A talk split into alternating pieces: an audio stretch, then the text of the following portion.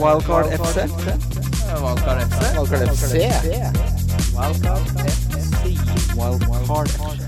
Hei og velkommen til Wildcard FC, en fancy podkast presentert av Norgbet. Og hvorfor er det jeg som snakker, og ikke han andre idioten? Det er fordi Christian Wessel dessverre er sjuk.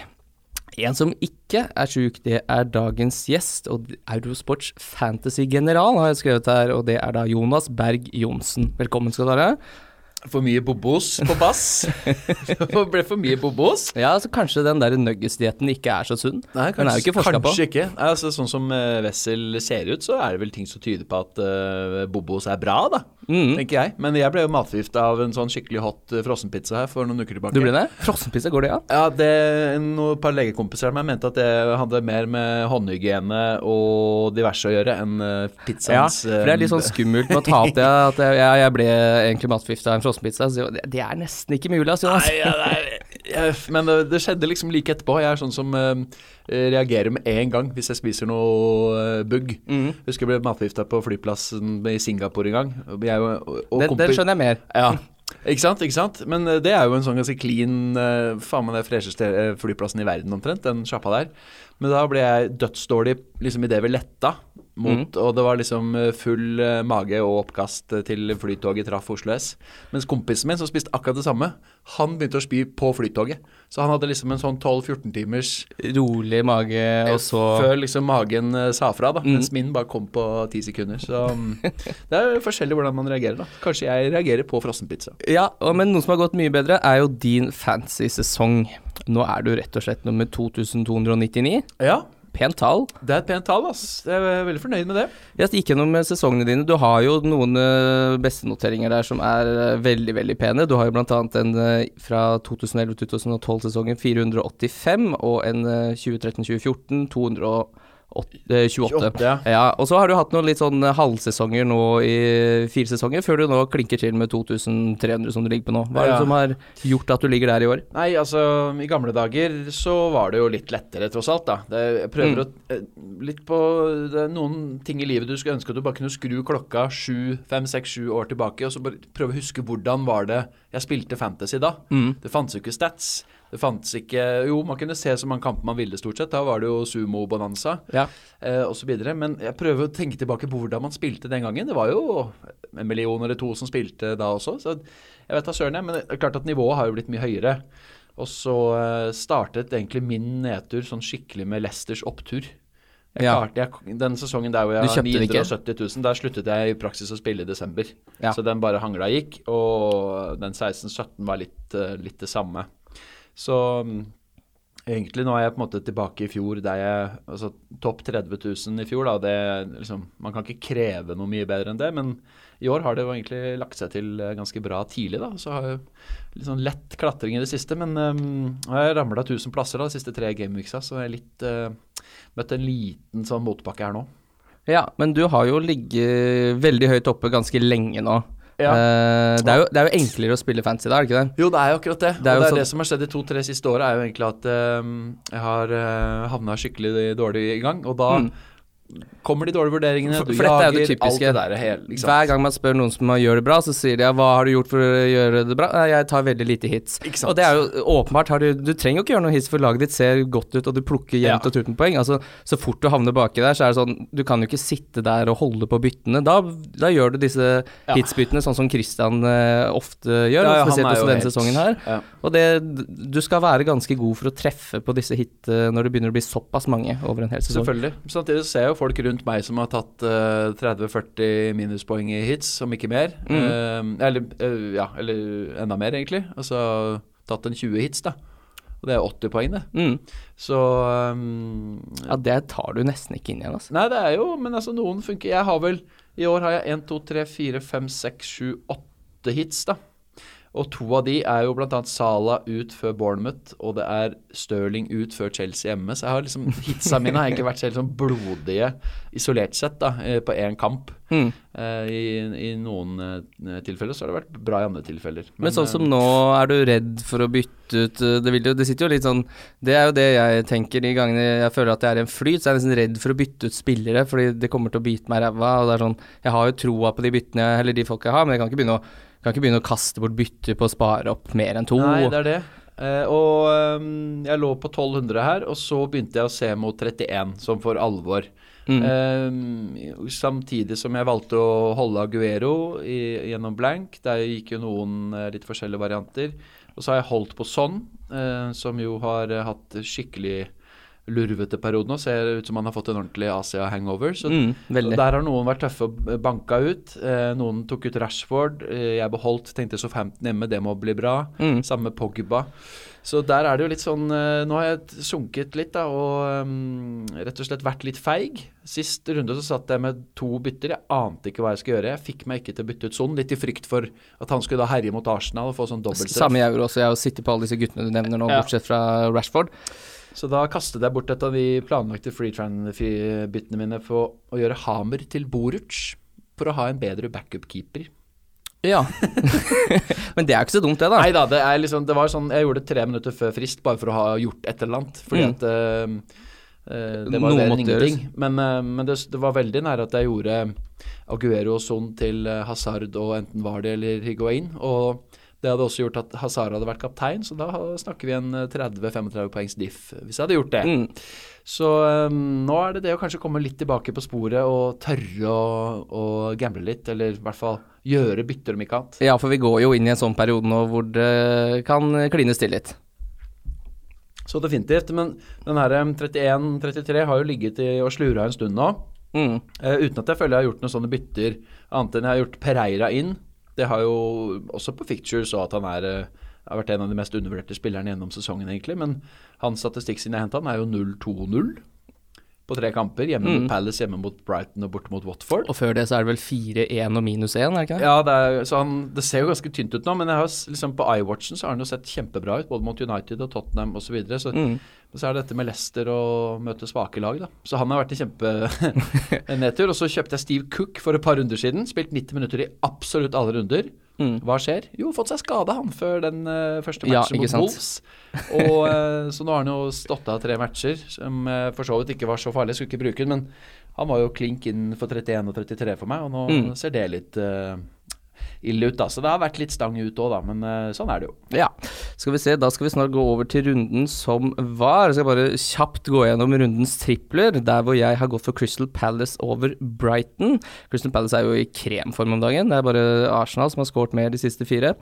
Uh, Huddersfield Bournemouth, der har jeg gått for Bournemouth. For jeg tror rett og slett uh, De har vært i dårlig form, men med det kampprogrammet de har, så vil de få en uh, formtopp, eh, eller en, eh, en stigning der. Det, det er Bør i som-. Ja, det, er, det skal det, skal, det, er, det går ikke an å gjøre like dårlig som det de har gjort det. Og det går ikke an å spille så dårlig mot de lagene de møter fremover. Og siste da er Leicester mot Fulham. Jeg er litt usikker på hva eh, den boosten er, men de ligger jo ute på Nordic Bet. Og Christian sin, den er jo som vanlig helt bajas. Han er sjuk, og det uh, ser vi tydelig på tripperen nå, for det er Newcastle over Everton. Det er Tottenham borte mot Southampton, og så har han Manchester United mot Arsenal. Den har en odds på 16-5, så jeg vet ikke hva boosten blir der. Det er vel fort 20, det, da. Eh, og da kan vi bare sømløst gå over til runden som var. Starta med en kamp jeg garanterer at lytterne av du eh, så på. Ja. Det var jo da eh, Spurs Arsenal 1-1. Ja, det var en eh, match man satt igjen med en dårlig følelse etter straffemiss, selvfølgelig. Ja, eh, ta det første først, egentlig. Litt sprek laguttak, eller? Ja, Torreira eh, benka for første gang i et toppoppgjør siden han spilte seg inn på laget. Øzil med scoring av assist med Bournemouth fikk ikke lov å være med fra start. Nei, men ikke så uventa, egentlig, Nei. av de tinga der. Um, det mest uh, Man kunne overraskende jo tatt var kanskje liksom Han har slitt med å stable Aubameyang og Lacassette i de kampene der. Og er veldig Mm. glad i å ha både Iwobi og Mkhitaryan, og, som spiller stort sett rubbel og bit. Ramsey et mer naturlig valg enn Øzil. Uh, og så er det den Gundosi versus Torreira som overrasker mange. Han har benka Torreira i noen kamper. Mm. men ikke i toppmatcha, og han tok jo agendose til pause etter en brukbar omgang, så det sier vel litt om at Torreira vel egentlig kanskje er, eh, er den man bør ha. Og så var Kolasinac litt småskadd. Mm. Monreal da inne, og så i mangel av høyrebekke, Der er jo både Beirin, Holding eh, og Lichstein er skadd, og Maitland Nye så vidt tilbake, så da helt OK. Altså Mustafi er jo like dårlig på bekk som på stopp. Så det er nesten bedre å ha han rørende rundt ute på høyrebekken der enn inne i midten. Ja. um, jeg sitter jo og kikker, vi spiller jo inn dette mens Arsenal akkurat nå røyk 3-1 borte mot uh, Renn.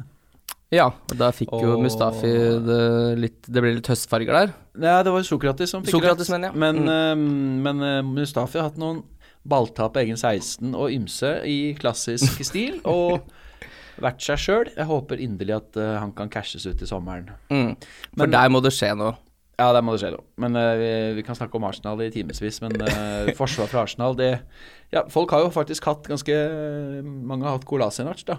Mm. Det har jo vært helt fryktinngytende offensivt, men så har de jo rota det til bakover. Altså, jeg syns synd på de som har hatt Kolasinac, fordi det er et par ganger han har ligget an til 10-12 poeng, og så har det ryket Du har vel kanskje hatt den? Jeg har hatt han, ja. Uh, og det har jo da vært uh, uh, den skåringa på overtid på, med Cardiff, da, var det fire minutter på overtid. Da han skårte skjærmål og lå an til ti Ja. poeng. Det har vært fryktelige svinger på overtid der. Ikke vært noe gøy i det hele tatt. Nå Nei. spilte han åpenbart ikke borte mot Tottenham, men jeg har han fortsatt i, i klubben. Du har han fortsatt, ja? Ja da, så vi får se hvor lenge han blir der. Ja, Eh, Kom han inn nå mot renn? Jeg litt usikker på Kanskje han nå får eh, tilslaget mot United igjen hjemme. Ja, det ville jo ikke vært så rart. Nei, men der kommer han helt sikkert til å slippe inn, da, så det blir vurdering om han kommer til å få til noe framover. Ja, men uh, Harry Kane, uh, er han uh, litt tilbake nå? Han er jo veldig tilbake, da. Skåra et fint mål igjen som punkterte kampen i Dortmund. Mhm. Og eh, sånn borte mot Southampton, det er jo sånn klassisk 13 poeng på Kane, det. Og så blir alle stressa og skal ha han inn til neste kamp. Nå det jo, har han ikke kampet 31 og borte mot Liverpool i 32, så han er jo ikke veldig aktuell for et free hit wildcard-lag der heller, kanskje. Men Nei, det er litt deilig at kampprogrammet er sånn som det er, Ja, også, fordi midlene er, tilsier ikke at du kan få en Kane, Nei. rett og slett. Men Kane sto Jeg hadde en følelse at han skulle starte i Burnley. Mm. Så jeg hadde en liten sånn For jeg punta inn Kane tidlig i høst også, da han hadde den borte mot Huddersfield før hjemme mot Cardiff. Mm. Da Mhm. kjøpte jeg han til Huddersfield istedenfor å vente til Cardiff, og det ga jo 13 poeng, det. betalt. Ja. Men eh, jeg, har liksom ikke turt å selge Aguero, som var den som måtte ryke, da. Mm. Men jeg har jo angra litt på det, egentlig. At det har vært digg å nå sitte med Kane som en sånn monster-diff, og bare turt å cappe han, rett og slett. Um, han har jo scora i uh, alle kampene nå. Burnley og mot Arsenal og mot Dortmund. Mm. Så han ehm, Han, eh, han Han er skåra han ikke mot Chelsea borte, da. Nei, det er sant. Det er sant. Og det var også litt av grunnen til at han Altså, borte mot Burnley skal calle han inn når han har Chelsea og så Arsenal. Altså, Ja, ja. Så, men um, hvis Brighton ryker i FA-cupen, det kan jo fort skje, Mm. så er han jo meget aktuell inn på 33 til Brighton hjemme der. Og så har han Huddersfield hjemme 34. Og da er han jo Hvis mange skal kjøre wildcard der, så er jo det bankers. Mm, ja, absolutt. Mm. Eh, da har jo på en måte Son mista litt av den eh, Ja, X-faktoren. og nå virker det som det er Kane som skal gjøre det offensivt. Son har jo, bortsett fra at han løp inn det flytemålet på overtid mot Leicester, så har det egentlig bare vært toere de siste fire kampene. Mm. Så han, eh, han virker litt ha fått en skikkelig, skikkelig hangover og ser sliten ut, syns jeg. Ja, absolutt. Det ser ut som eh, han, eh, han eh, Po- eh, meldte jo at han var så utrolig frisk da han kom tilbake på trening etter denne den Asia-eventyret. Eh, men det varte ikke lenge. det var fort gjort. Ja, dessverre. Og så var det kamp nummer to, Bournemouth-Manchester City. Det er ikke så mye å si der, annet enn at nå har City holdt nullen i fire kamper på rad, så de begynner å se bra ut defensivt. Noe Ja, det de har vært alt annet enn det, egentlig Eller de har jo ikke sluppet inn mye mål, men de har alltid sluppet inn. Eh, Samtidig som det er vanskelig å identifisere det defensive pikket man skal ha der. mm. Så jeg har egentlig ikke vært så stressa på at de har holdt nullen, for nå syns jeg det er få som sitter med noe særlig City bak. Nei, det er Ederson da, som noen sitter med på keeperplass, ellers så er det jo ingen som tør å satse på noe av det. Nei. Eh, altså 1-0, men Bournemouth eh, var jo ikke på det De prøvde ikke å vinne den fotballkampen der, de hadde jo ingenting. Det, nei. ingenting. Det virka som Eddie Howe bare hadde fått det for seg at nå skal vi forsøke noe absolutt stikk mottatt av hva vi alltid Ja, har pleid å gjøre mot eh, utypisk. topplagene. Fordi eh, jeg syns Bournemouth veldig ofte er gode mot topplaget, men så har de tapt allikevel. Mm. Eh, Både mot Arsenal og United og mm, flere så har de jo tapt knepent, og de hamra jo over Chelsea. Så, mm, men det er interessant å se how vi gjør det, men det ble kanskje i overkant når de har null skudd på mål, null corner og 18% ballinnehav. Ja, og så er det jo litt typisk at en litt, litt sånn røreavslutning av Marius er den som, eh, som går inn, når de gjør en, åpenbart en veldig god forsvarskamp, noe Ja. som er veldig utypisk Bournemouth å holde på med. Ja. Uh, men det ble jo ikke noen av de usual suspects. Det er ikke så mange som sitter med David Silva lenger, og det Marius er det jo ingen som tør å sitte på. Nei, det hadde vært deilig om Aguera hadde chippa inn en som ikke tverringer der. Men um, Mm. planen nå er at han skal virkelig straffe de som har solgt hjemme mot Watford, som kaptein. Ja. Det er det samme jeg tenker også. Og så er det Brighton slår Huddersfield. Eh, ja, knockout. Inne der, eh, Huddersfield tilbake og taper fotballkamper sånn som de Uinteressant på alle skal. egentlig. Ja, absolutt. Eh, Burnley, Crystal Palace, der har det skjedd et eller annet. Ja, fy fader. Det, det var merkelige greier. Der hadde jeg virkelig trodd på hjemmeseier. Det hadde jeg? Ja, jeg må si det. Altså, Burnley har jo vært så solide i det siste. Mm. Um, Ashley Barnes får jo den på overtid der, da, selvsagt. Ja, heldigvis, for det var jo en del uh, nissegutter som satt med Wambisaka 9-10-12 poeng der. Jeg satt med Wambisaka nå. Jeg mista ekstremt nye poeng på overtid. Altså den, Ja, dagen. den det- Huddersfield-skåringa på overtid også, hvor jeg satt med dobbel uh, Brighton. Wolverhampton. Eh, Ja, den, ja. For en par runder siden, Ja, ja. det er helt utrolig, altså. Ja, uff a meg. Eh, Så det har ikke vært noe ålreit. Men uh, sånn som Saha og Batshuayi, da, de vil jo få doble gameweeks. Uh, det blir vel borte mot Spurs. Det er vel den som er borte nå i 31. For Palace del, ja. Den er ikke satt ennå. Det er jo bare United sine kamper som er Mm. plassert, så Men den skal jo inn et eller annet sted, da. Så Ja. det er jo ikke helt Det er jo Var det Saha har tre mål på sine tre siste starter, og Batshuayi har to mål? Så det er jo gutta på topp der som gjør det. Og Slupp da, åpenbart, men det orker du ikke. Nei, og jeg tenker litt sånn eh, Jeg tenker ingenting, egentlig, jeg, på 32-34. Nei, Absolutt det, er- det er ikke noe å tenke. Det er Nei, det er ikke noe vits. Kampen er ikke plassert. Jeg vet at det kommer til å bli uh, frihit 32 og wildcard 34 og benchboost 35. Det ordner seg. Og det er liksom Det får bare gå som det går. Mm. Uh, så jeg Men at Palace, om de fortsetter å se bra ut, så er selvfølgelig Da kan de være mulige billige enablere på et frihetlag og et wildcard-lag. Det kan godt tenkes. Mm. Noen som vi vet har eh, dobbel, da, det er jo Manchester United. Og der har jo Lukaku for alvor uh, skrudd på krana. Ja. To mål da mot uh, Southampton, og to mål nå i Champions League. Og hva er det han hadde? Han skåret vel to kamper før det også? Var han, uh, gjorde han ikke det? Jo. Ja, mot jo- eh, Crystal Palace. Altså Det United holdt på med på Parc de Prague her om dagen, det er jo Jeg valgte å dra på konsert, for jeg tenkte at den matchen der er jo kjørt. Men det er det som er med Champions League. Tar du en frikveld, så er du doomed. Jeg, jeg valgte Jeg, tenkte tirsdagen nå. Real Mm. Madrid Ajax var jo kjempegøyal å se hjemme mot Real, Mm. men så tapte dere likevel. Ja, for det er litt sånn Det ja, der ok, ryker jo ikke. eh, Dere er sjarmerende, men når dere ikke får med dere noe bedre hjemme, da er dere Ja. ute. Og så kommer den kampen der, som kanskje er noe av det kuleste som har skjedd på år og dag. Så det er, jeg er litt bitter egentlig for at jeg har gått glipp av to enorme fotballopplevelser nå øh, denne uka her. Men det, det får bare være. Uh, ja, og Men Lukaku Men det er jo samme ikke sant? Det er ikke noe vits å sitte og diskutere 32-34 så mye, egentlig. Fordi man bytter ikke en Lukaku til Arsenal borte, og så blank og kjør. Så Mm. United er jo mer snakk om hvem er det man skal holde av hvis man sitter på Pogba og Rashford og kanskje en forsvarsspiller, da, hva, hva gjør man? Det er litt sånn verdigreier som jeg driver kikker litt på. mm, Jeg sliter med um, valgets kval på Docherty, Jimenez, Pogba, Rashford. Hvor mange jeg skal beholde, hvor mange jeg skal selge. Ja. Um, og uh, Docherty sin liksom rotasjon og litt ymse, aldri clean sheet. Nei, nå er Litt Bennett sånn- ute i to kamper. Ja, og så United, ok. Han har jo egentlig stoppa veldig opp. Rashford har 2-1-2-0 siste fire. Eh, så det, den er klart den straffemissen mot Southampton ødelegger jo veldig mye av inntrykket av Pogba Rashford òg, da. Ja, og da gikk jeg jo rett og slett ut av cupen pga. den bommen. Ja.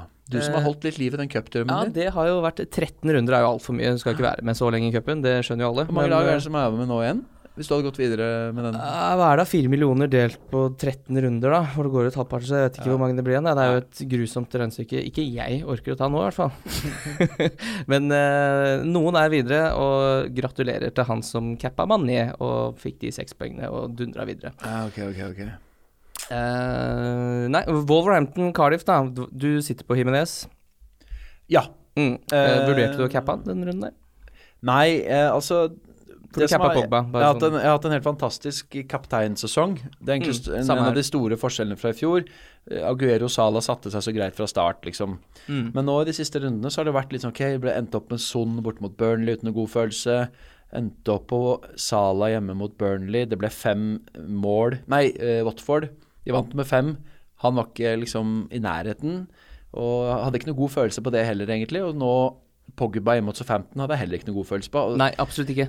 Absolutt ikke. Og frykta litt det som skjedde, fordi borte mot Palace så lå han mye dypere med alle skadefraværende, og det skjedde nå hjemme mot Southampton òg. Mm. Tok det ikke helt på alvor, tenkte ja ja, borte mot Palace, da må Solskjær justere litt osv. Men med den midtbanekapasiteten han har tilgjengelig nå, så ligger Pogba mye dypere. så eh, jeg er litt spent på hvordan det kommer til å se ut mot uh, Arsenal også. På Emirates i fjor var jo Pogba helt enorm. Og um, scora United liksom kontra Arsenal i senk der. Jeg kan jo se for meg at det samme kan skje. Så jeg, jeg har ikke noe lyst til å selge han egentlig, og har liksom 1,1 million spart opp. Mm. Og tenker jo at han er ganske klar i 32 med Watford og Wolves, så det virker litt sånn tungt å selge han. Så jeg prøver liksom å gjøre alt jeg kan for å beholde han og likevel stable noe bra Ja, for det er ikke noe det er Verken han eller Rashford er jo sånn typisk svingdørbytter du kan gjøre nå, for de kommer tilbake med en helt voldsom prisøkning. Ja, det er akkurat det, og det Så- er litt ugreit, altså. Ja. Så jeg Det beste er frykter jo, egentlig at- frykter mange- veldig United på Emirates, må si det. Hvor mange mener du øh, ligger du an til å få i 31?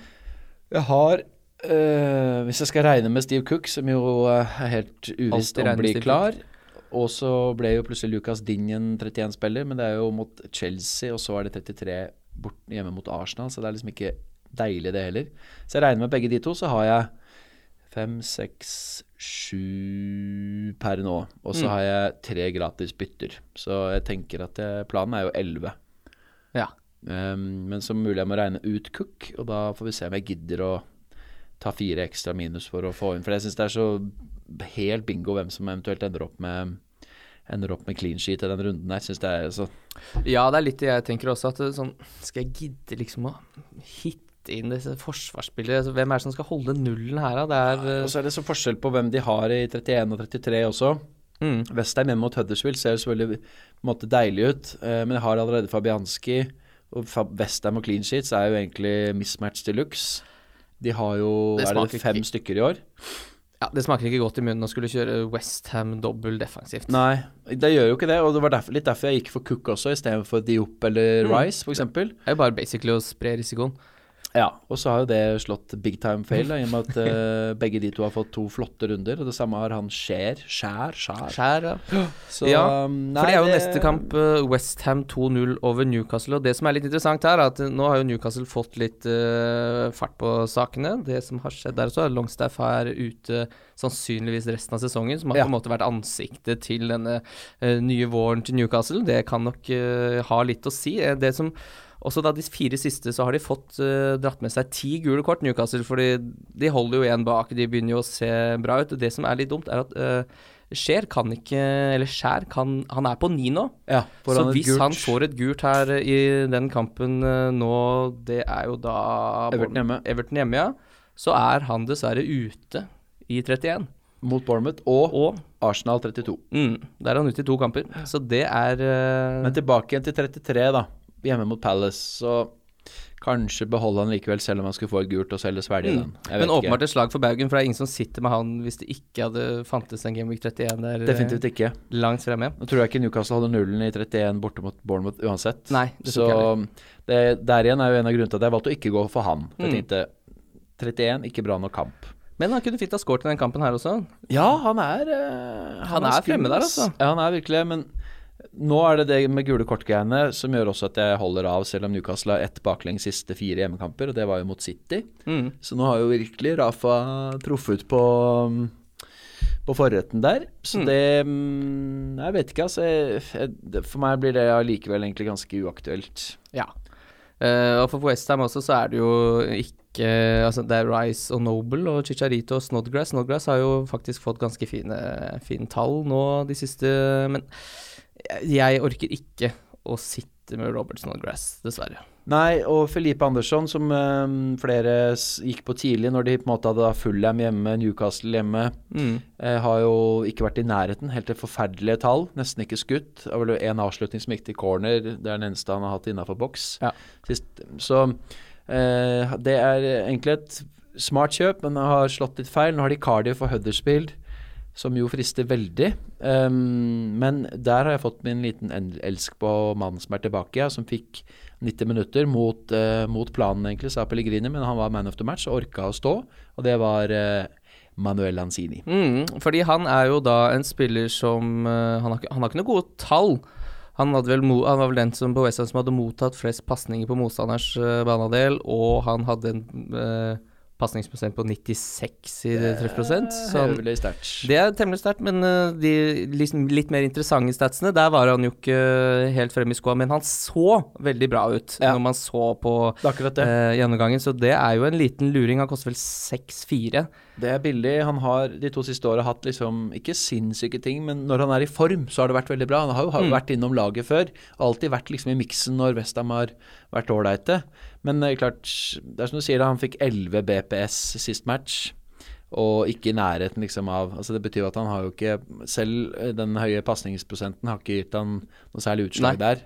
Har ikke vært nok sjanser skapt, ikke skudd på mål, ikke Eh, Så ehm, det er litt enten-eller, men nå føler jeg at jeg er litt tilbake igjen på det at eh, jeg har lyst til å prøve å diffe litt. For nå ligger det en gruppetto av midtbanespillere, særlig på Westham, Leicester og Burnley Nei, ikke Burnley, men Westham, Leicester og og Bournemouth, som folk driver og tenker på. Og han er vel en av de som færrest kanskje kommer til å sitte med i 30 31.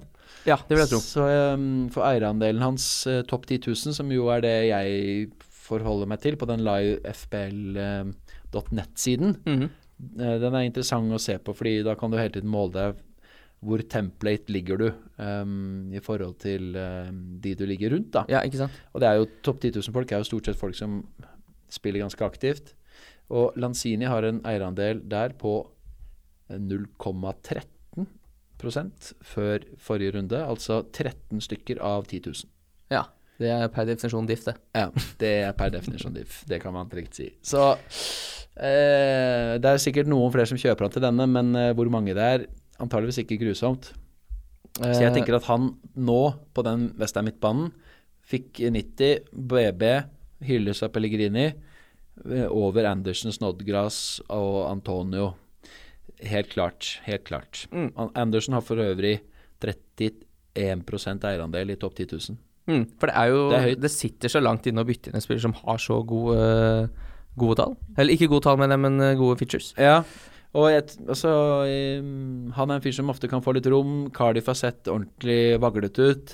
Sluppet inn mye mål i det siste. Nå er Sol Bamba ute for resten av Ja, sesongen. det korthuset der, det lille, kort, det lille korthuset som var der. Ja, for de så liksom kort. gode ut hjemme en periode. Hadde ganske mange kamper hvor de, hvor de tok poeng. De banka jo eh, f.eks. Bournemouth hjemme for ikke så mange ukene siden. Da Mm. var det litt positivitet, men den virker som er helt blåst nå. Og da Altså 1-5 Ja, hjemme mot Watford, Ikke sant? De har 0-3 hjemme mot Everton. Ingen som har sluppet inn flere mål de siste fire, og Bamba ute. Det burde være dekka for en liten diff-diff på Lanzini. Ja, jeg syns det, altså. Mm, det er spennende valg. Um, så spørsmålet var hvordan jeg skal stable det, om Pogba holdes eller ikke. Ja, Det får vi se. Ikke sant. Eh, kjapt også da de tre siste kampene. Det er Watford-Leicester. var mange som hadde forhåpninger til Leicester. Jeg henta Madison. Det ga ikke noe voldsom avkastning. Men for noen tall, da! Uff. På Han har bra tall i det siste, altså. Ja, den, ikke så kramgode nå i den Sist kampen match. som var. Da hadde han fire touch innenfor uh, straffeområdet. Der hadde Harvey Barnes fem. Uh, skudd, eller goal attempts, der hadde Harvey Barnes tre, og Madison hadde ett, så det betyr altså Og men forskjellen her er jo at Harvey Barnes går etter 66 minutter, Madison spiller 90, Ja. for det er en spiller Og som eh, Brennan Rogers sa etter match eh, vi var veldig gode på slutten. Mm. Obs, obs med tanke på Barnes. At Ja, det, om det hadde noe eh, det var vel DeMarie Gray som kom inn der. Ikke sant. Men, og Madison sine eh, sjanser skapt-tall er jo alltid veldig bloddopa av at han tar så mange dødballer. Mm. For da er det jo enhver um, cross på corner eller frispark blir jo en uh, sjanse skapt. Det er jo Man skal passe deg litt på de tallene der. Selv om for de siste fire så står han altså på 21 sjanser skapt. Neste midtbanespiller er Motinho på 13 og Knockhart på 10. Ja. Og hva er det med de to andre? Også dødballspesialister. Så man skal ikke, um, man skal ikke være helt forelska i de tallene, altså. Nei. Men en man kan begynne å bli litt forelska i, er jo Troy Dini. ja. I alle dager. Hadde han hatt kamp i 31, så hadde han vært plutselig høyaktuell. Ja, veldig. Eh, men eh, foreløpig er det jo ingen Delofeu drar med seg en liten assist. Han har en eierandel på 4-3. Den effektive der er vel enda litt lavere, men ikke noen spennende spillere. Så er Delofeu eid av 5 Han er det, ja. Enda mer, åpenbart. Ja, faktisk. Dini 1,26. Mm, Men det gir jo mening. Ja, det er ikke noe Nei, det er ikke noe å lage noe halloi for det. Da går vi videre til eh, Fulham-Chelsea. Her så jeg Fulham hadde skapt ekstremt mye sjanser. Her har jeg ikke rukket opp å se faktisk eh, highlights fra kampen. Har du noen formening om hvordan Jo. det der gikk eh, for seg? Altså, jeg følte vel at Selvfølgelig, de hadde en svær mulighet helt på tampen også. Mm. Eh, Kepa gjorde noen fine redninger, men også en brøler som kunne blitt baklengs. Eh, hadde Babel vært litt oppmerksom. Men jeg syns jo egentlig det var en veldig fin audition for Hazar eh, Higuain. Skapte mye altså Jeg følte liksom at Chelsea kunne trykka på litt mer og fått den treen. Det burde de egentlig ha gjort. Det var Scott Parker hadde fått dem til å trøkke, og det var liksom en slags positivitet. Men når de slipper inn minimum to i hver eneste kamp, så er det jo fortsatt eh, knalltøft. Mm. Så um, for, det mest interessante der er jo med Chelsea, eh, med Chelsea-øyne. Eh, med tanke på um, med tanke på 31-33, Mm. selvfølgelig. Nå har de Wolves hjemme, som på en måte kan ses som en fin kamp, men Wolves har jo vært steingode i den type matcher, så Mm. jeg er ikke sikker på at det er liksom tidspunktet for å dundre inn Chelseas skyts. Nei Men eh, samtidig, mm, ja. Bennett ute da kan kanskje ha litt å si. Han er en billig spiller på fantasy, men han er en viktig brikke for Wolverhampton defensivt. Ja, det er riktig. Men, men jeg syns vel at Boli og Cody er bedre midtstoppere enn Altså Bennett var jo en sånn eh, inn og ut av laget i Norwich i sin Mm. tid, da, da de var oppe sist. Så, eh, men han er, um, han er en decent forsvarsspiller, absolutt. Mm.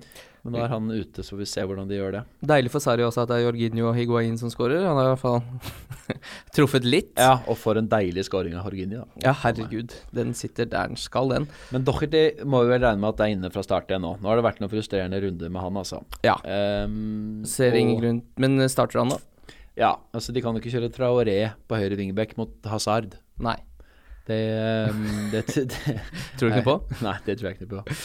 Så da, Men uh, Docherty er vel uansett ikke noe man, man, man ideelt sett starter i en sånn bortematch på brua, da. Nei.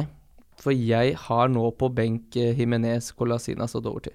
Og du har det, ja? Ja. Faen, det er en uh, fryktinngytende benk. ja, den er ikke så gæren, den, altså. Jeg sitter med Ward på Cardiff, har vel knapt starta en kamp siden september.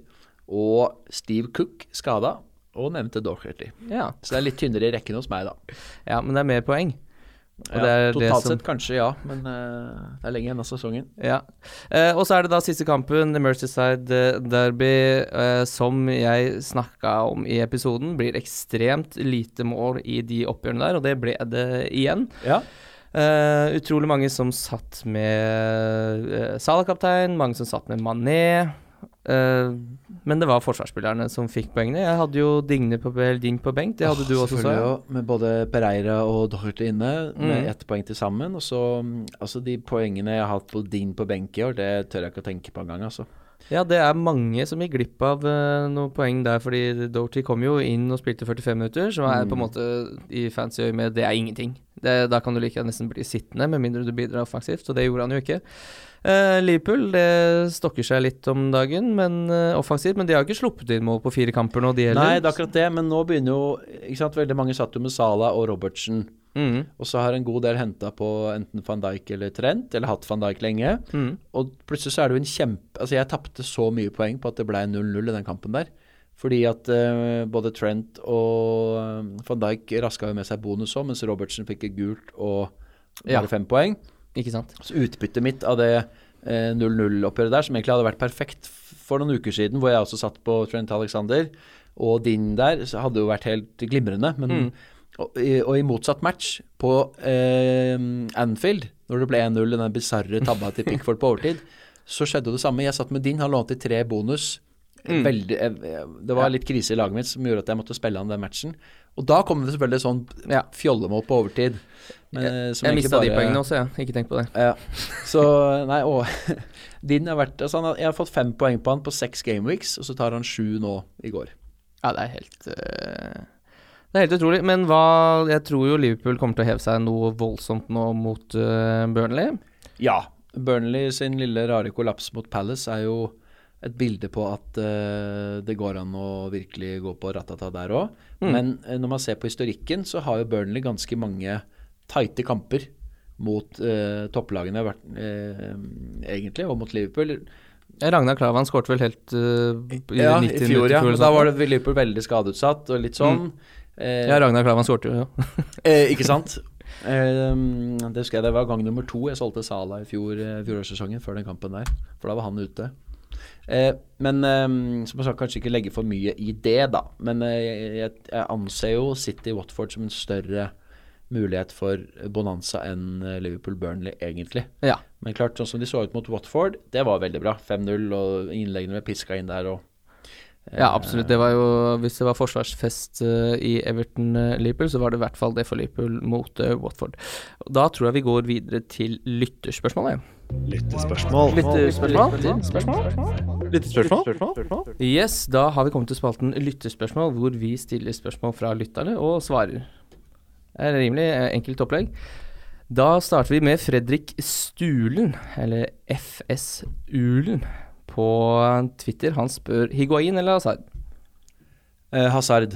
Ja, jeg er enig i det. Eh, hva begrunner du det med? Higuain har jo sett ålreit ut, han. Jo, eh, men eh, Hazard Jeg føler at det er, det er så viktig for Higuain at Hazard er god, på en måte. Ja. Selv om eh, de siste assistene hans har vel sto på måla til Higuain har vel kommet fra Aspilicueta, faktisk. Fått sånn eh, liten flashback til uh, Aspili Morata-linken fra i fjor, som eh, vel bidro til seks mål. Mm. Um, nå har uh, Higuain spilt fem kamper i serien.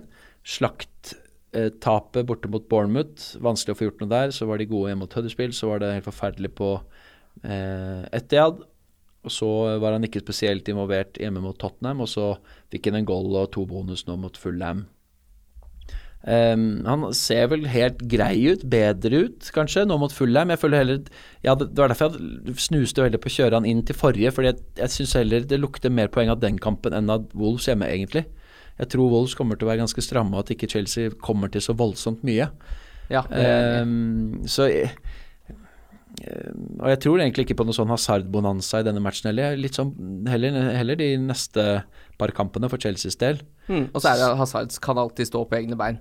Det er akkurat det. Eh, Jeg føler meg litt tryggere med f.eks. Hazard som en kapteinsalternativ kontra, kontra Higuain, da. Mm. Eh, Nå vil vel Salah stort sett være kaptein til alle 31 allikevel, Ja, det så det- ikke så mye å si, men Det er, Men, ja, der, tror du det er noen som tør å gå utenom? Og så har du, nei, ikke sant? Og så har det jo litt med å gjøre med konkurransen, da. På, til Higuain så kan du putte Vardy i samme klasse, eller så kan du kjøre billigere med King, Wilson, Arnatovic, eh, Barnes, eh, Mm. Um, mens eh, på midtbanen så er det jo um, Så syns jeg liksom i en sånn 31-kamp så virker det veldig litt utrygt å gå uten Azar. Hvis han får en sånn 18-poenger på Goodison, så er det mørkt å ikke stå med. Mm, Jeg ser ikke mm, for meg Higuain av det samme. Mm? Ja, og det kan han jo helt fint få. Ja, det er akkurat jo- det. Eh, Everton er jo eh, himmel og jord. nå, si himmel og helvete. Ja. Um, kan jo Tapte jo 2-6 mot Spurs. Hvis, den, hvis de får en sånn en, så er det ikke gøy å ikke sitte med, med Eden Hazard. Nei, og han har også et ø, oppfølgingsspørsmål. Kan Pedro eller Calvert Lewin puttes inn i Gameweek 31 og 33 for å frigjøre midler til Higuain og Hazard? Eh, Nei. her mener jeg nei. Nei. Er det to spillere du ikke skal ha på fantasy, så er det Pedro og Calvert Lewin. Ja. Det er en søknad om å bli skuffa. Ja, virkelig. Så er det Raymond Dale, eller Rabagasten som han kaller seg på Twitter. har vi tro på at Arnautovic starter i helga? Uff. Jeg har jo Arnautovic, men jeg blei litt sånn usikker på de uttalelsene til Pellegrini nå, hvor han var så veldig tydelig på at Chicharito hadde gått inn og gjort en god jobb. Og så sa han også at okay, men hvem skal man starte? Altså, det er litt ulike grunner til hvorfor de forskjellige skal spille og sånn. Ja. Ulike grunner, det er Arnautovic. Det er, noe, det er ikke noen grunner til å ikke spille Chicharito utover noe han kunne snakka om. Nei. Eh, Så der føltes det som det var et eller annet. Altså, han kan jo også potensielt spille begge to, men eh, det kan jeg heller ikke helt se for meg at han kommer til å gjøre. Jeg tror det kommer til å bli litt som eh, ved forrige kampen, at Arnautovic kommer inn eh, og spiller siste 30, og så får Chicharito de første mm. 60. Med tanke på hvordan de har sett ut på sitt beste i en slags 4-2-3-1, og med de alternativene han har i tieren og på kantene, Mm. i, um, i Lanzini, Snodgrass, Nasri, Antonio og Filippe Andersson, så ser jeg ikke for meg at han skal gå over til å spille 4-4-2 igjen. Nei. Lucas er nok helt uaktuell. Carroll mer en sånn impact-spiller, tror jeg, hvis han skal være aktuell. Så det er liksom Chicharito eller Arnatovic. Mm. Um, og eh, jeg, jeg er enig, jeg syns det er merkelig. Arnatovic er en så utrolig mye bedre spiller. Greit sjuk på Etial, men nå sist, det syns jeg um, Uff, jeg hadde vært skikkelig skuffa hvis jeg var Arnatovic-eier. Og i, i en ideell verden så hadde han vært uh, helt klink, og så hadde jeg virkelig hatt lyst til å ta inn han. Mm. Uh, og gjøre det allerede nå, fordi jeg syns den Cardiff-kampen ser eh, høvelig deilig ut, altså. Ja, den er fristende. Så det er, eh, det er litt bittert, det der, for det hadde liksom løst en del floker for meg hvis Arnatovic hadde vært klar. og Bare få det inn. Og så, så er- sitter man med, med mannen som da har Cardiff borte og Huddersfield hjemme de to neste. Ja, det hadde vært helt kult. Ja, det hadde faktisk det. Så Westham er litt sånn eh, floke, altså. Mm. Han har også et oppfølgingsspørsmål, han også. Det er jo mye todelte spørsmål her. Kan Mané være kapteinstift siden majoriteten kommer til å gå for Salah? Mané ser jo på en måte farligere ut enn Salah, men det var Salah som kom til de sjansene Liverpool hadde på Goodison. Han, Mm. Men han har jo ikke skytestøvlene sine på, så Nei, men han har noen fantastiske tall. ja, absolutt. Eh, altså, det, er det er ingen som skyter mer enn uh, Salah. Det er ingen som har flere touch innenfor boksen enn Salah, eller er det kanskje Barnes som er Nei, Barnes har nest flest, og da snakker jeg om Barnes på Leicester. Eh, så det er jo åpenbart noe uforløst over Salah, og det er jo Dette er jo det klassiske at man fort ender opp med å sitte litt på gjerdet når det først smeller. Mm. Uh, men uh, jeg kan fint forsvare å kjøre Mané. Ja, samtidig han har én scoring og to assist på de siste 10-11 bortekampene. Han er veldig hjemmespill, det Mané. Mm. Nå Han, tror jeg han mener i helga. Førstkommende helg. Oppfølgingsspørsmålet Jeg tenkte at det var et ja, det så tenkte jeg innstilt på det. Men så glemte jeg å presisere, for han spør jo egentlig da først om uh, Arne starter i helga, og om Mané kan være Ah, ja. kapasitiv. Uh, det syns jeg absolutt hjemme mot Burnley. Ja, egentlig. Mm. Det er jeg enig i. Hvis du vil diffe litt Du sitter sikkert på Sala òg, men da gjør det ikke noe om han bare får en trepoenger. Ikke sant? Så lenge du får halvparten, så Ja. Hvis det skulle smelle Eh, Det skumle er jo selvfølgelig om det kommer en sånn 29-poenger opp av hatten. eh, som jo eh, var veldig premissleverandør for den blanke gameweeken i fjor på dette Mm. tidspunktet. Men eh, man kan ikke sitte Man kan, altså, kan liksom ikke regne med det heller. Nei. Så eh, Nei, vet du søren, jeg tenker kanskje at eh, Mané kan være en diff. Men for meg er det Aguero 1 og Sala 2. Jeg, altså, jeg kjører Ja. konservativt. Ja, Altså. jeg er helt enig. Ja. Eh, og så er siste spørsmål fra Doffen, eller at CB Julebrus for life. Eh, Han, ja. ja, han har vært, sant? eh, jeg vært borti før. Ja, ja, ja, for det man husker jo en fyr som er så glad i julebrus. Håper du hadde det hyggelig i månedene november og desember. Mm. Han spør beholder man Doverty på benk gjennom 31. Eh, ja, det er jo litt som vi så vidt uh, drøfta litt i stad. Mm. For meg så handler det veldig mye om eh, verdi. Jeg kjøpte han for 4-4, Uh, og ser jo for meg at han er naturlig å ha inn en i 32 allerede. Selv Ja. om det er Burnley borte og United hjemme, da. Er det et must? Tja. Det er kanskje ikke det, men så er samtidig Wolverhampton utrolig fine kamper på slutten av, så han skal nok kanskje inn på et wildcard fra 34 igjen, da, for da sitter Wolves med Southampton, Brighton, Watford, Fulham. Mm. Men da Pluss kan du forsvare å ta han ut, da. Ja, men hvor mye synker han i verdi? Fordi For min del å selge han for 4 altså 4-9, da, og så kjøpe han for 5-5, syns jeg ikke virker så jævlig gøy. Nei. Ehm, så da er det lett Men eh, mange har jo tilsvarende verdiøkning i Himinez, f.eks. Der kom jeg litt seint på ballen, så eh, jeg tenker at det handler litt Du må se litt på regnestykket og prøve å regne deg så mye fram som mulig. Det er vanskelig, altså, fordi Mm. etter en frihit og Uff, det er ikke noe Det er veldig vrient, faktisk. Det er vanskelig å stå med mange spillere i 31 uten å gå glipp av mye penger, fordi det har vært en voldsom prisøkning på mange spillere som eh, ikke spiller, og som man gjerne vil ha senere. Ja, så mange hadde over 180 i lagverdi. Det er liksom sånn Ja, nei, det er helt eh, Eliteserien helt vilt. fantasy-stemning, det. På syre. Ja, faktisk. For der har det vært har man liksom gått veldig fort i været. Men, men det, er, det, er høy, det er høy lagverdi, altså. Mm. Hos mange. Da tror jeg vi går videre til runden som kommer, ja. Runden, som kommer. Det er runden runden. Runden som kommer. Yes, og da starter vi med tidligkampen Crystal Palace Brighton.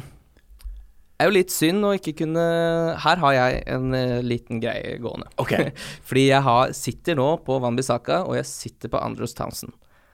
Du sitter på Townsend, du. Mm, av Aha. alle ting. Han, apropos en spiller som ser bra ut når du ser på fotball, men eh, som ikke får uh, Ja, fordi lønn nå har Bachai. Og Saha dundra inn noen poeng, og litt Mm. sånn på slutt Men de bommer så fort det er. Townsend som legger inn. Det kan Ja, du selvfølgelig. på. For han har 1, 2, 2, 2, 3, 5, 7, 2, 3, 2, 3 siste matcha, så det er klart um, Ja. Det er Townsend-tall. Det er Andros Townsend. Men uh, han har altså Brighton hjemme og Huddersfield hjemme i to neste. Det er bare synd at ikke de er i 31 og 33, for da hadde Mm. jo han vært en kjempesøt spiller å ha. For her sitter jeg Han har jo litt sånn der ugunstig pris. Han koster jo nå eh, 5-9, så har jeg ingenting i banken. Så det er liksom ikke så mye fristende å hente inn når, de, når han møter Brighton hjemme, som potensielt kan være noe der, ikke sant. Ja. Uh, men så det eneste jeg egentlig lurer litt på da, er om jeg skal gå for en tidligere favoritt i år og få inn Brooks til fem. Ja. Før Brighton, fordi du må gjøre noe et bytte mot 31, Nei, jeg, må ikke, jeg må ikke gjøre et bytte, men det er egentlig bare Ja. for uh, uh, Men Town- da blir det vurdering uansett. Townsend hjemme mot Brighton eller Brooks borte mot Huddersfield. Mm. Uh, og nå har vi sett Brooks i én kamp etter at han kom tilbake fra skade. Det ble en veldig spesiell affære.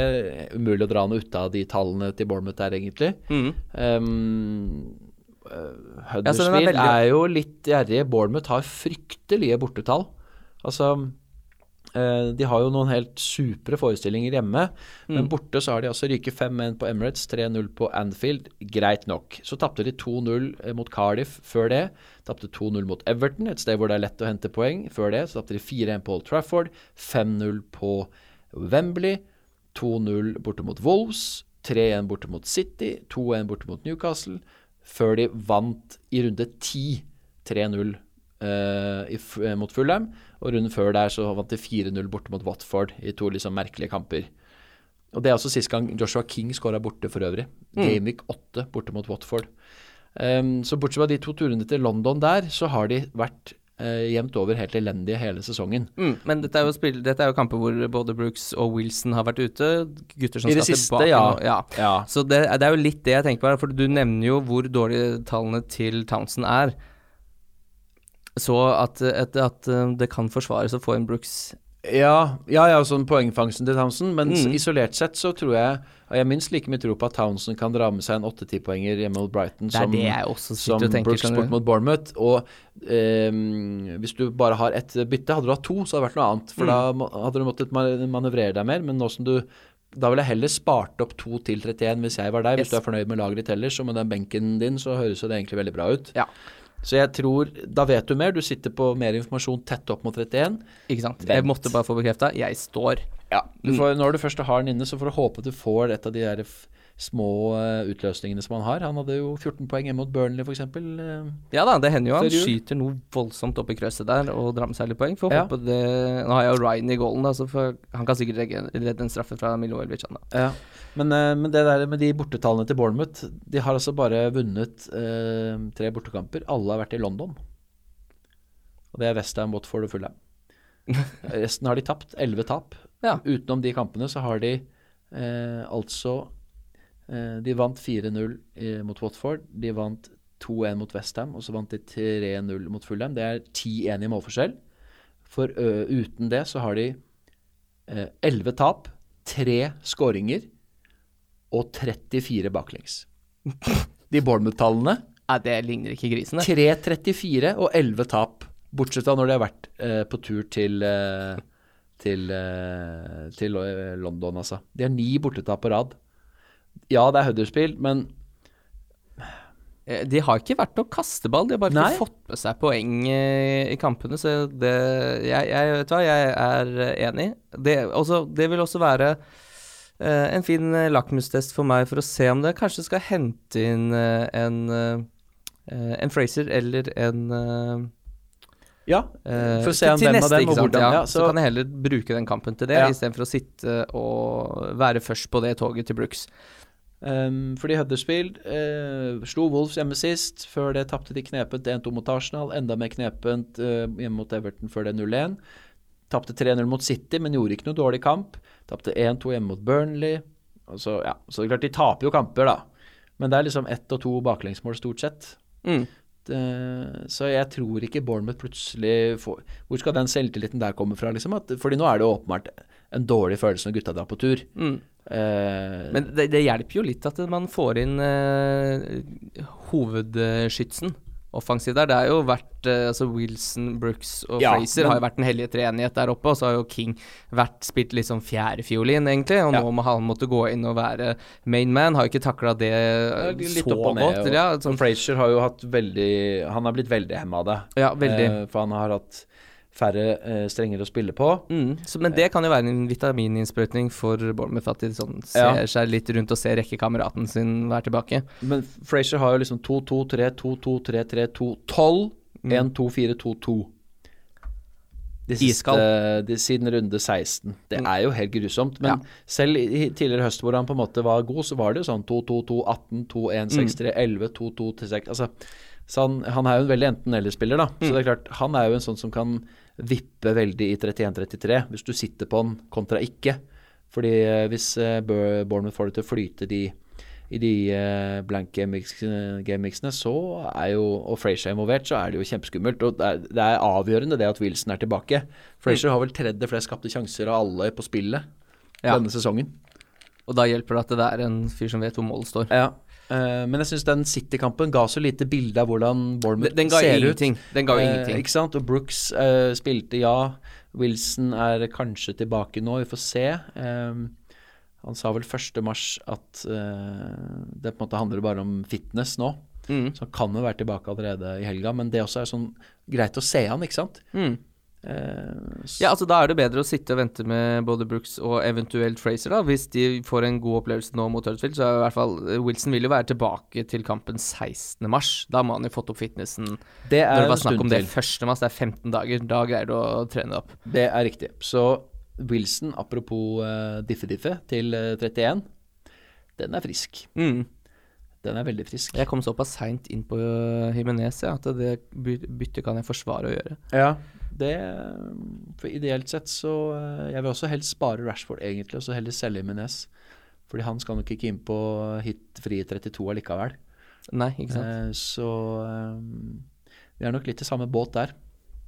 Wilson hadde vært en, vært en billig og interessant diff. Mm, men det er en spiller som alltid ender opp med å skuffe deg. Ja, han har, jeg har ikke noe god erfaring med han. Selv Nei, ikke i høst så sleit jeg også med å treffe, treffe på bølgene. Mm. Eh, neste kamp da, altså første kampen eh, i firerunden, det er Cardiff mot Westham. Eh, Cardiff som sagt blør defensivt, eh, slipper til enormt med sjanser. Westham eh, har, har det jo i seg å kunne eh, vri en 4-0-seier ut hvis de har dagen, og at, at Bamba er ute. Altså, jeg tror fort det kan ha vært nesten Mm. spikeren i Premier League-kista for Cardiff. Også. Så Ja. viktig er Bamba. Jeg har uh, kjempefølelse på Westham her. Jeg er bare litt usikker på hvem jeg skal ha. Mm. Uh, det er et drawback selvfølgelig at Westham har vært uh, morkne på tur i det siste. 1-0-1-4 har de. Uh, elendige borte mot Burnley, tapte 2-0. Tapte 2-0 borte mot uh, Westham Nei, mot Bournemouth, sorry. Så tapte 3-0 på Molyneux, og så fikk de med seg ett poeng fra Palace, et sted hvor de pleier å vinne. Og så tapte de greit nok bare ett eh, mål mot City, da. Men eh, ah, altså, det er et lag som har skåra 14 mål på 14 bortekamper, Westham. Mm. Um, da må det skje et eller annet hvis det skal liksom endre seg veldig. Um, men Cardiff er selvfølgelig, og sånn som de ser ut nå, en, en, en veldig deilig motstander, da. Mm. Det er klart, eh, og det er jo eh, Det er noe psykologisk i det å ha sluppet inn så mange mål som det de har gjort, og så mister de eh, generalen bak der. Ja. Jeg tror ikke de gleder seg til å gå til eh, kamp nå eh, nesten resten av sesongen, for han er vel ute eh, Er han bekrefta ute resten av sesongen nå, Bamba? Er han ikke det? Jo. Ja, Jo, jo. så det mer er jo, det som sagt de har sluppet inn fem og tre og fem og tre mot kvalifisert motstand i de siste fire av de siste seks hjemme. mm, Det hadde vært en drøm om Arnautovic starta den kampen her. Ja. Men uh, Lanzini er nok kanskje å finne på mitt lag til den matchen. Spennende valg. Da er det Huddersfield Bournemouth. Den har vi jo vært litt innom nå. Uh, det er jo ikke noe mer egentlig å si om den. Kan hoppe rett til Leicester Fulham. Her er det jo mange som har henta Leicester-spillet. Det går jo ikke an å ikke, egentlig, med tanke på at de har et fantastisk eh, kampprogram. Og det er jo det er jo bare Vardi da, som har innfridd, hvis man kan si han har gjort det. Han putter jo jevnt og trutt, men det blir jo ikke det helt Nei, Ja, det er, det er det som er med Vardy, at til den prisen så er det veldig mange seksere, sjuere og åttere, som Mm. selvfølgelig er deilig, men du capper han ikke, og det er ikke spesielt høye scores. Nei. Eh, det har vært fint å vært på han nå med sju-åtte poeng, og absolutt, men em, du ser denne sesongen her, så har han én tosifra. Det var elleve poeng hjemme mot Huddersfield i runde seks. Ja. Em, en spiller som koster ni mil nesten, er det, er det der du legger lista, på en måte? Eh, han har ingen kamper med to mål. Nå vet vi jo at han kan, men eh, han har jo også tidvis, eller eh, periode, eh, tidligere gjort, gjort, det mot de store lagene. Mm. Og nå har de, som du sier, Fulham, Burnley, Bournemouth, Huddersfield, Newcastle mm.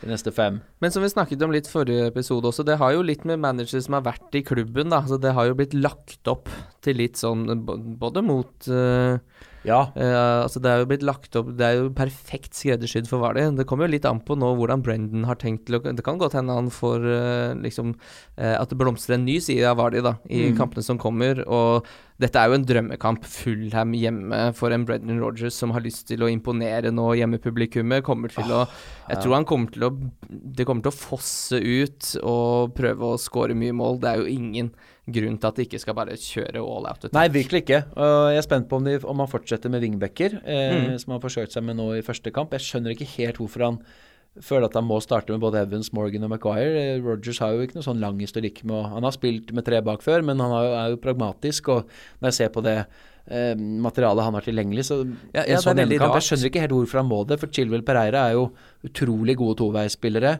mm. eh, som er eh, høvelig disiplinert i alle fall, og han har en, en Didi Tielemanns på midtbanen som rydder ganske bra. Så jeg skjønner ikke hvorfor han føler han må ha tre. Så jeg er spent på om han gjør det nå også mot et Fulham-lag som, som, har da bare Mitrovic helt her oppe, og så kanter som antageligvis blir pressa litt ned i banen hvis Leicester trøkker, da. Mm.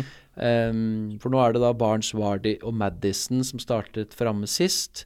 Uh, det betyr at Gray og Janacho uh, er de som er på benken, i tillegg til Gesal, så han har jo litt å plukke av der. Men uh, jeg Hadde vært litt late, uh, redd Grey også, hadde jeg sittet med Barnes. Ja, det er det. Og Madison er nok trygg starter. Her, der handler det bare om å få ut, liksom, endelig kanskje få noen poeng. For han har jo vært en, uh, en statsmann hele sesongen. Mm. Um, men ja, var de, var de Det byr meg litt imot, må jeg si. Men det kan tenkes at det blir uh, Vardi for Himinez og um, eh, Lanzini for Son for min del før, før neste. Ja. Det er ikke utenkelig. Nei, og Madison var jo også veldig god i forrige hjemmekamp mot uh, Brighton. Ja, riktig. Så det er jo der jeg håper å kunne hente litt poeng denne runden her, da. Newcastle-Everton. Her må som sagt uh, Skjær holde seg på beina. Ja, men um, det er jo ikke noe annet å gjøre. Nei, absolutt og ikke. Og de men... tallene Newcastle har hjemme, så tror jeg fort de kan temme Everton. Men mm. uh, det kan gå alle veier. Jeg tror det kan bli en ganske kjedelig kamp, og jeg sitter uh, fint med å spille Lucas Ding i den kampen her. Jeg tror det fint kan bli en 0-0 og ganske kjedelig fotballkamp. Men ja. hvis, det, hvis, det, først løsner, så kan det også rakne litt begge veier herfra. Ja, det er akkurat det. Og Newcastle har aldri vært noe lag jeg egentlig har stolt på i sånne hjemmekamper hvor du tenker dette er overkommelig. Mm. Men eh, jeg er veldig opptatt av eh, historikken mellom lag. Selv om det selvfølgelig har skjedd utrolig mye på bare to, tre, fire sesonger med mannskapene, så er det et eller annet som gjør at uh, jeg liker å, å, å, dvele litt ved det. da, og mm.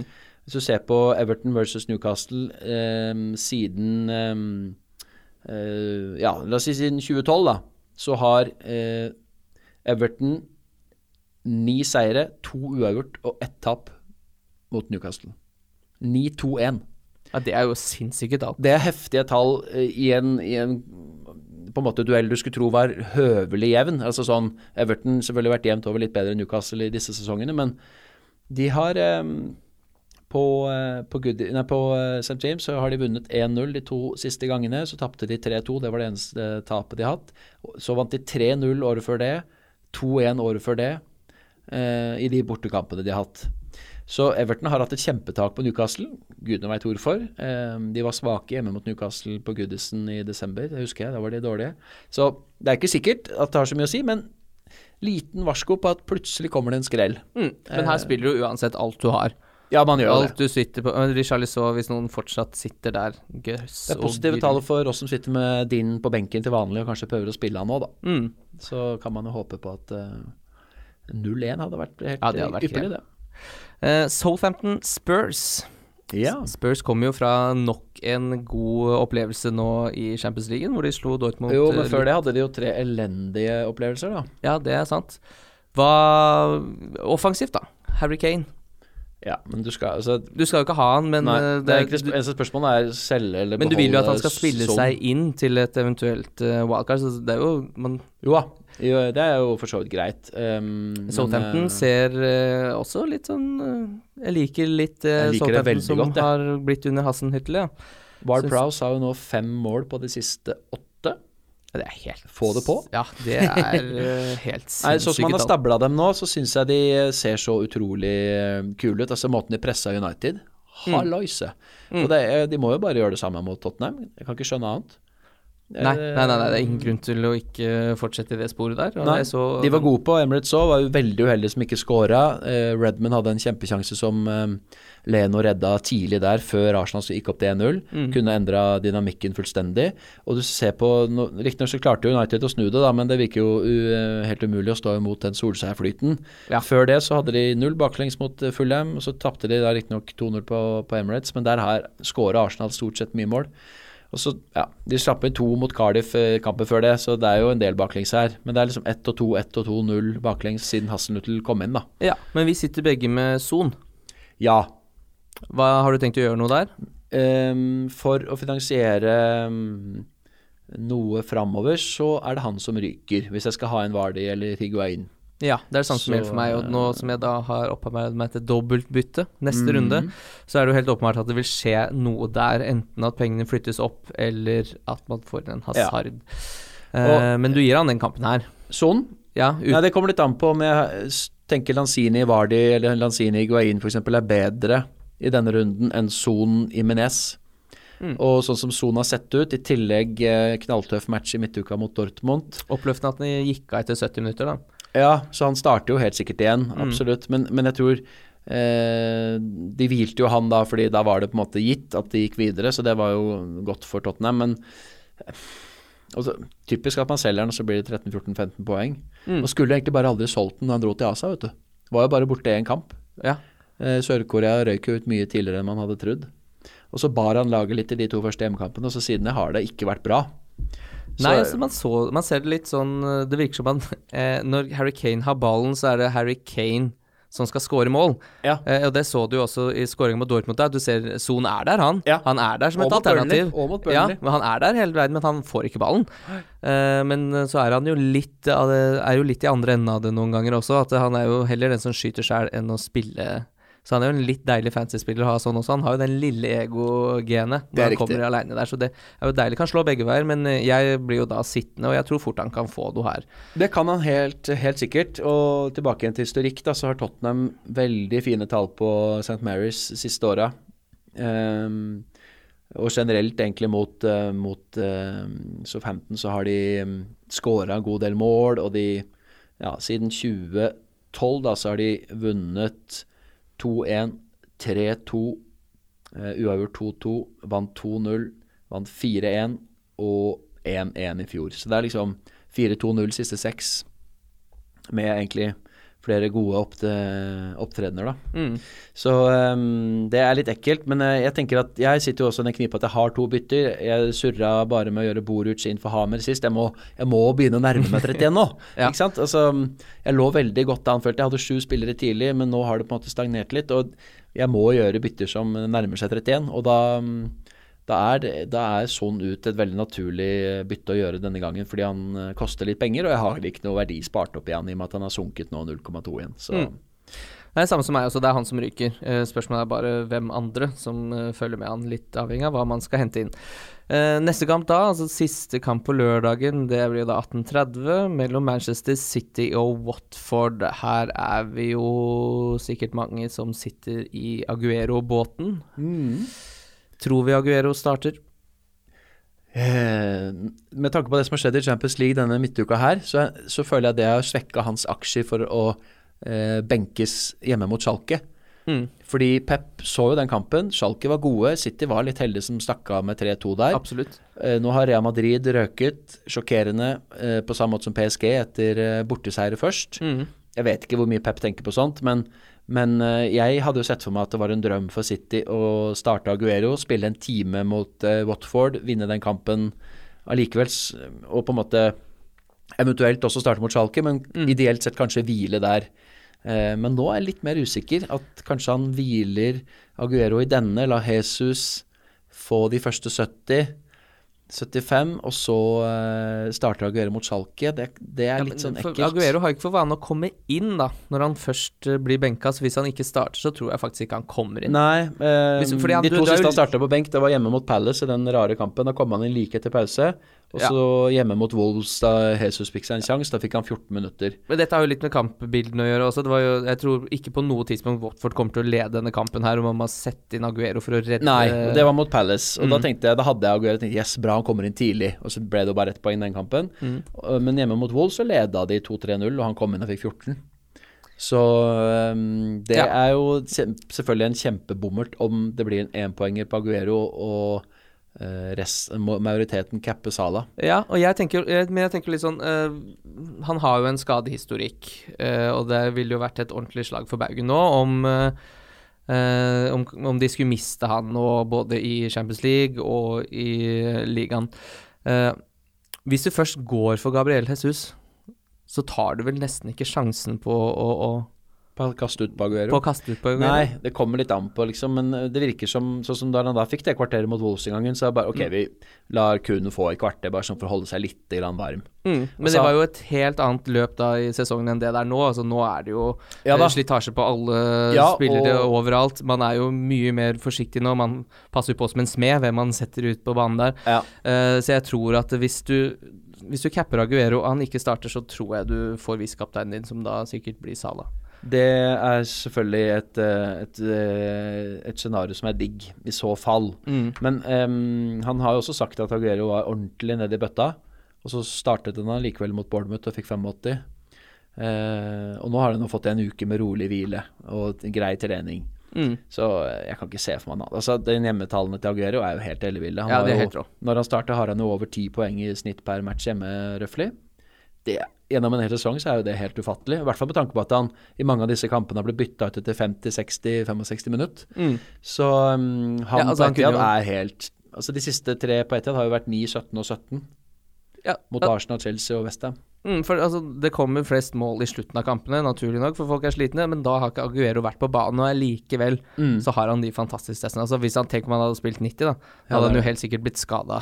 Ja, det kan nok Eh, tenkes. så det er jo sett så vært bra management av han gjennom sesongen. Mm. Men jeg, jeg, legger, jeg, noe, jeg legger meg allikevel på at Aguero blir kaptein. Jeg har bare bestemt meg det. Han sto egentlig som kaptein kjempelenge forrige uke, eller uka før der også.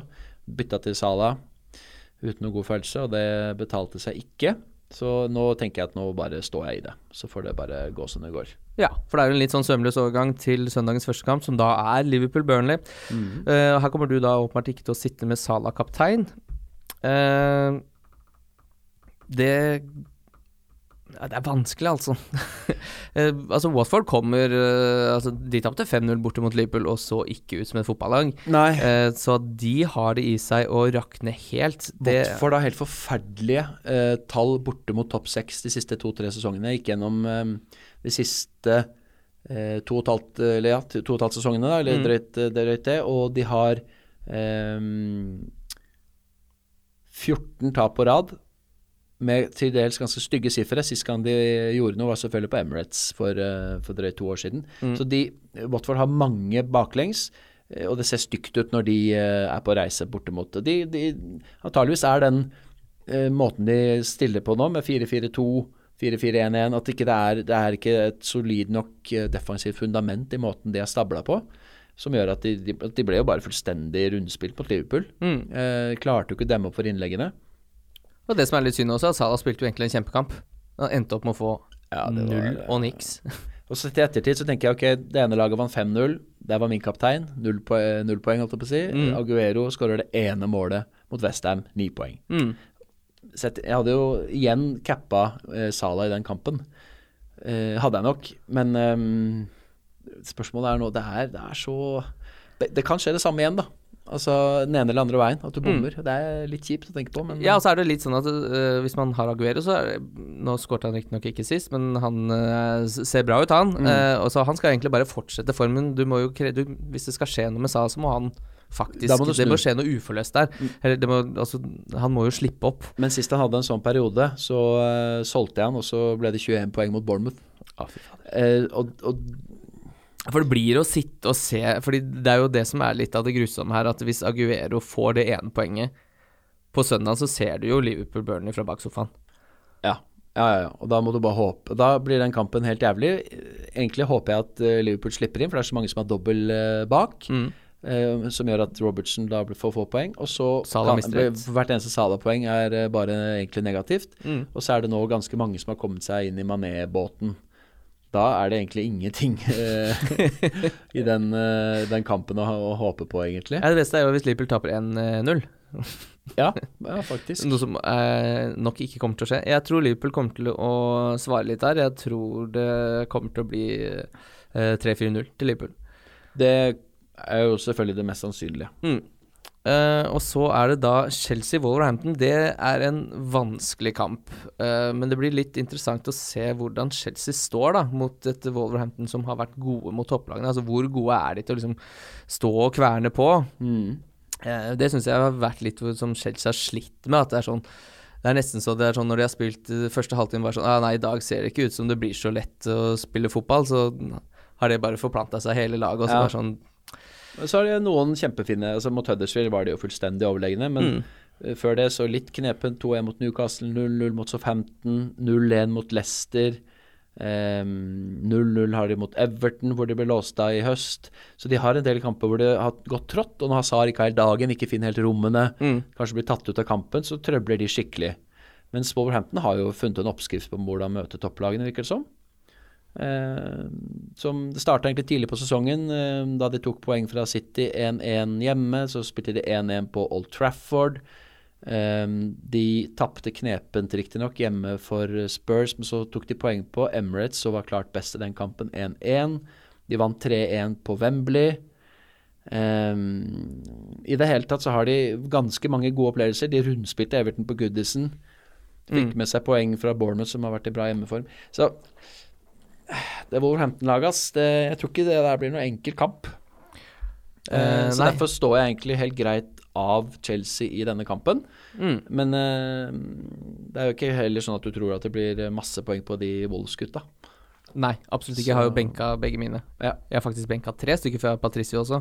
ja, ikke sant? Ja. Så alle de gutta blir på benk. Eh, siste kamp, Arsenal-Manchester United. Du er jo Arsenal-supporter, som vi har sagt flere ganger i denne podkasten. Ja. Eh, hva tenker du Det er om det? liksom eh, Det går ikke an å slå. United, men Hvis Arsenal gjør som mot Tottenham, eh, så er det jo gode muligheter. mm, Men frykten er jo i kampbildet hvor de har mye ball. United kommer til å ligge og kontre. Solskjær har allerede vært på Emirates og vunnet.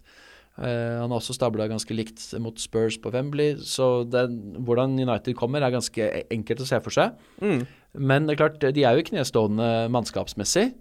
Det er jo helt ubegripelig at det laget de sendte ut på mot Paris, uh, kara seg videre derfra. Det er Ja, jo, men der mener jeg at eh, Mourinho skal faktisk ha litt ros, altså, for han har etterlatt seg en tropp som virkelig veit å forsvare seg. Altså Det sitter i ryggraden ja, si. til de gutta der. Det der når man bestemmer seg for å ligge bak, det har de god trening med. Ja. Og det ser man at det er ikke Det, det er et lag som har vært eh, hadde noe uforløst eh, offensivt, og som da man slapp løs, så var det Det skal Solskjær ha mye honnør for. Mm. Men akkurat det når man bestemmer seg for å snøre igjen eh, bak, der eh, Ja. har de, har gått en god skole.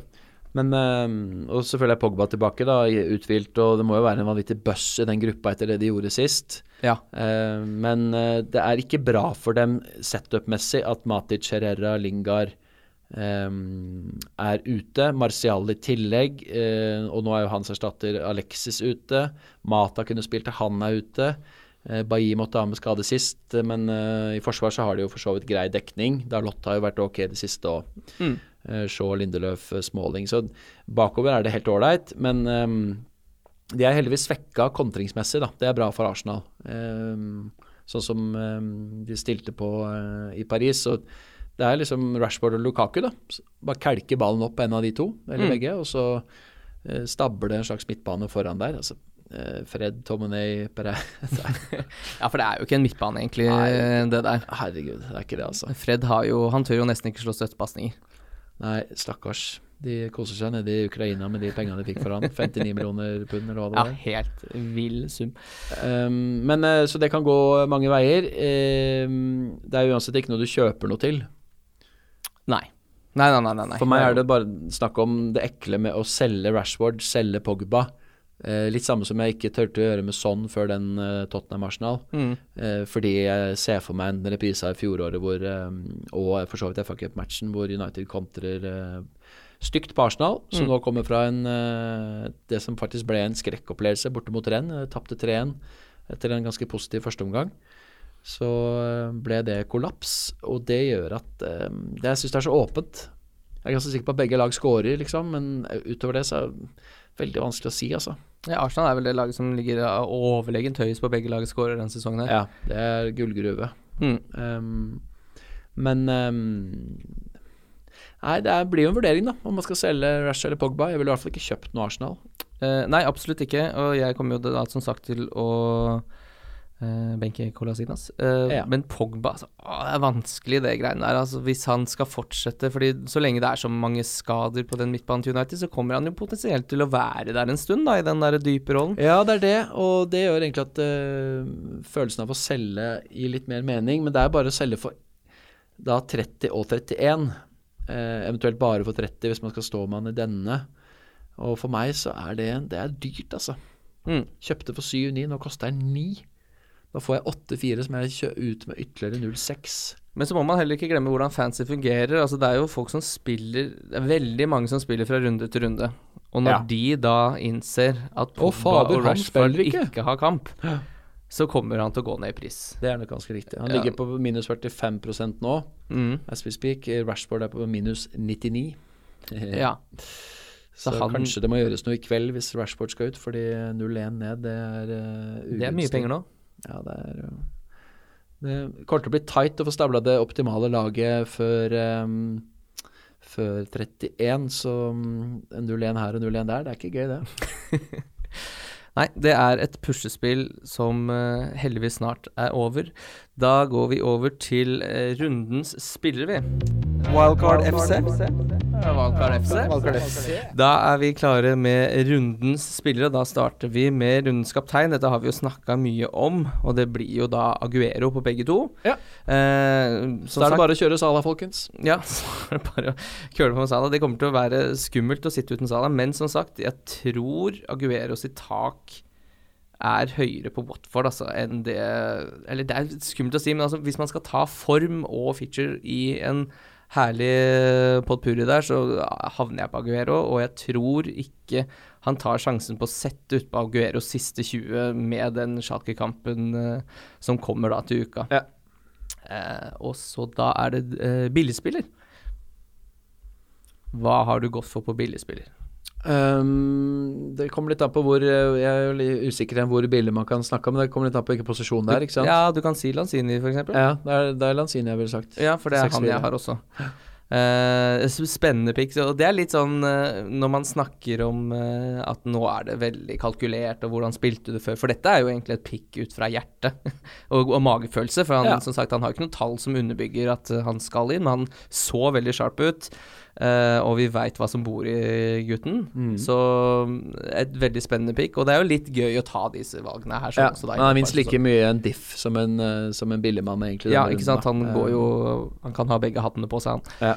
Uh, men den som da er diff Hvilken spiller har du valgt der? Eh, Nå, det kommer litt an på hva um, eh, Hvis du holder deg under 10 så How sier på, på PK-en, men mm. å smelle inn um, Å smelle inn Callum Wilson Mm. først som sist eh, Han skåra og hadde assist mot Huddersfield eh, hjemmekampen. Eh, hvis han er tilbake og er klar, så på en måte vil det løfte både Frazier og um, og eh, Brooks og i det hele tatt. Så det på en måte vil være en eh, viktig, viktig incitament, incitament, Ja. Aldri hørt ord før. Nei. For eh, en vit- vitamininnsprøytning, i hvert fall, for, eh, for eh, Bournemouth. Så eh, jeg bare har en følelse der, jeg, på at liksom hvis Det er liksom veldig enten-eller på Bournemouth. Mm. Jeg tipper at det blir en sånn tight, cheap match, eller 3-4-0. Ah, Og da er det tungt å ikke sitte med noen. å få i gang Wilson der. Altså, da er han en no-brainer, egentlig, inn mot den Newcastle-kampen. Ja. Uh, jeg har gått for Madison, jeg. Ja. Jeg syns den kampen mot Fulham den ser innbydende ut. Og som jeg snakka om, jeg tror Ben Rodge har lyst til å liksom spille seg inn i hjertene til Leicester-fansen nå, og Ja. hva Det fins nesten ikke et bedre lag å ha på andre banehalvdelen da enn å møte Fulham, så der tror jeg de kommer til å trøkke til. Og Madison var som sagt veldig god forrige hjemmekamp mot Brighton, eh, så her håper jeg det blir enda mer poeng. Han har 10% eierandel på topp 10 000. Han har det, ja. Det Vardy har 13 og Pereira 32, Der mens mange- Chilwell bare har 2,9. Hmm. Ja, Chilwell er jo en ganske fin diffeliff. Ja, han syn- også syns jeg er spennende. Hvis jeg først skulle hatt en der, så tror jeg faktisk jeg hadde gått for Chilwell. Ja. Uh, egentlig ingenting som tilsier at jeg skal hente Pereira sånn det ligger an nå. Den båten kan de som sitter på den, få lov til å sitte Ja, fuck, fuck det. Og så er det da rundens donk. Rundens donk, det er eh, Jeg tror det er Higuain eller Hazard. Ja, det er de jeg sitter med også.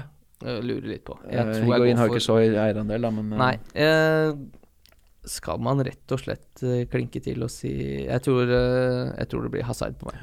Jeg pleier alltid å si eh, donker som jeg egentlig har sjøl, men det er litt teit. Ja. Eller, men det er liksom, hvis jeg ikke sitter med noen gode følelser Men jeg, jeg har en høvelig god følelse på både Mané og Pogba og Nei, ikke Pogba. Mané og Salah, mener jeg. Og Aguero og de, de, de storeide gutta. Men Mm.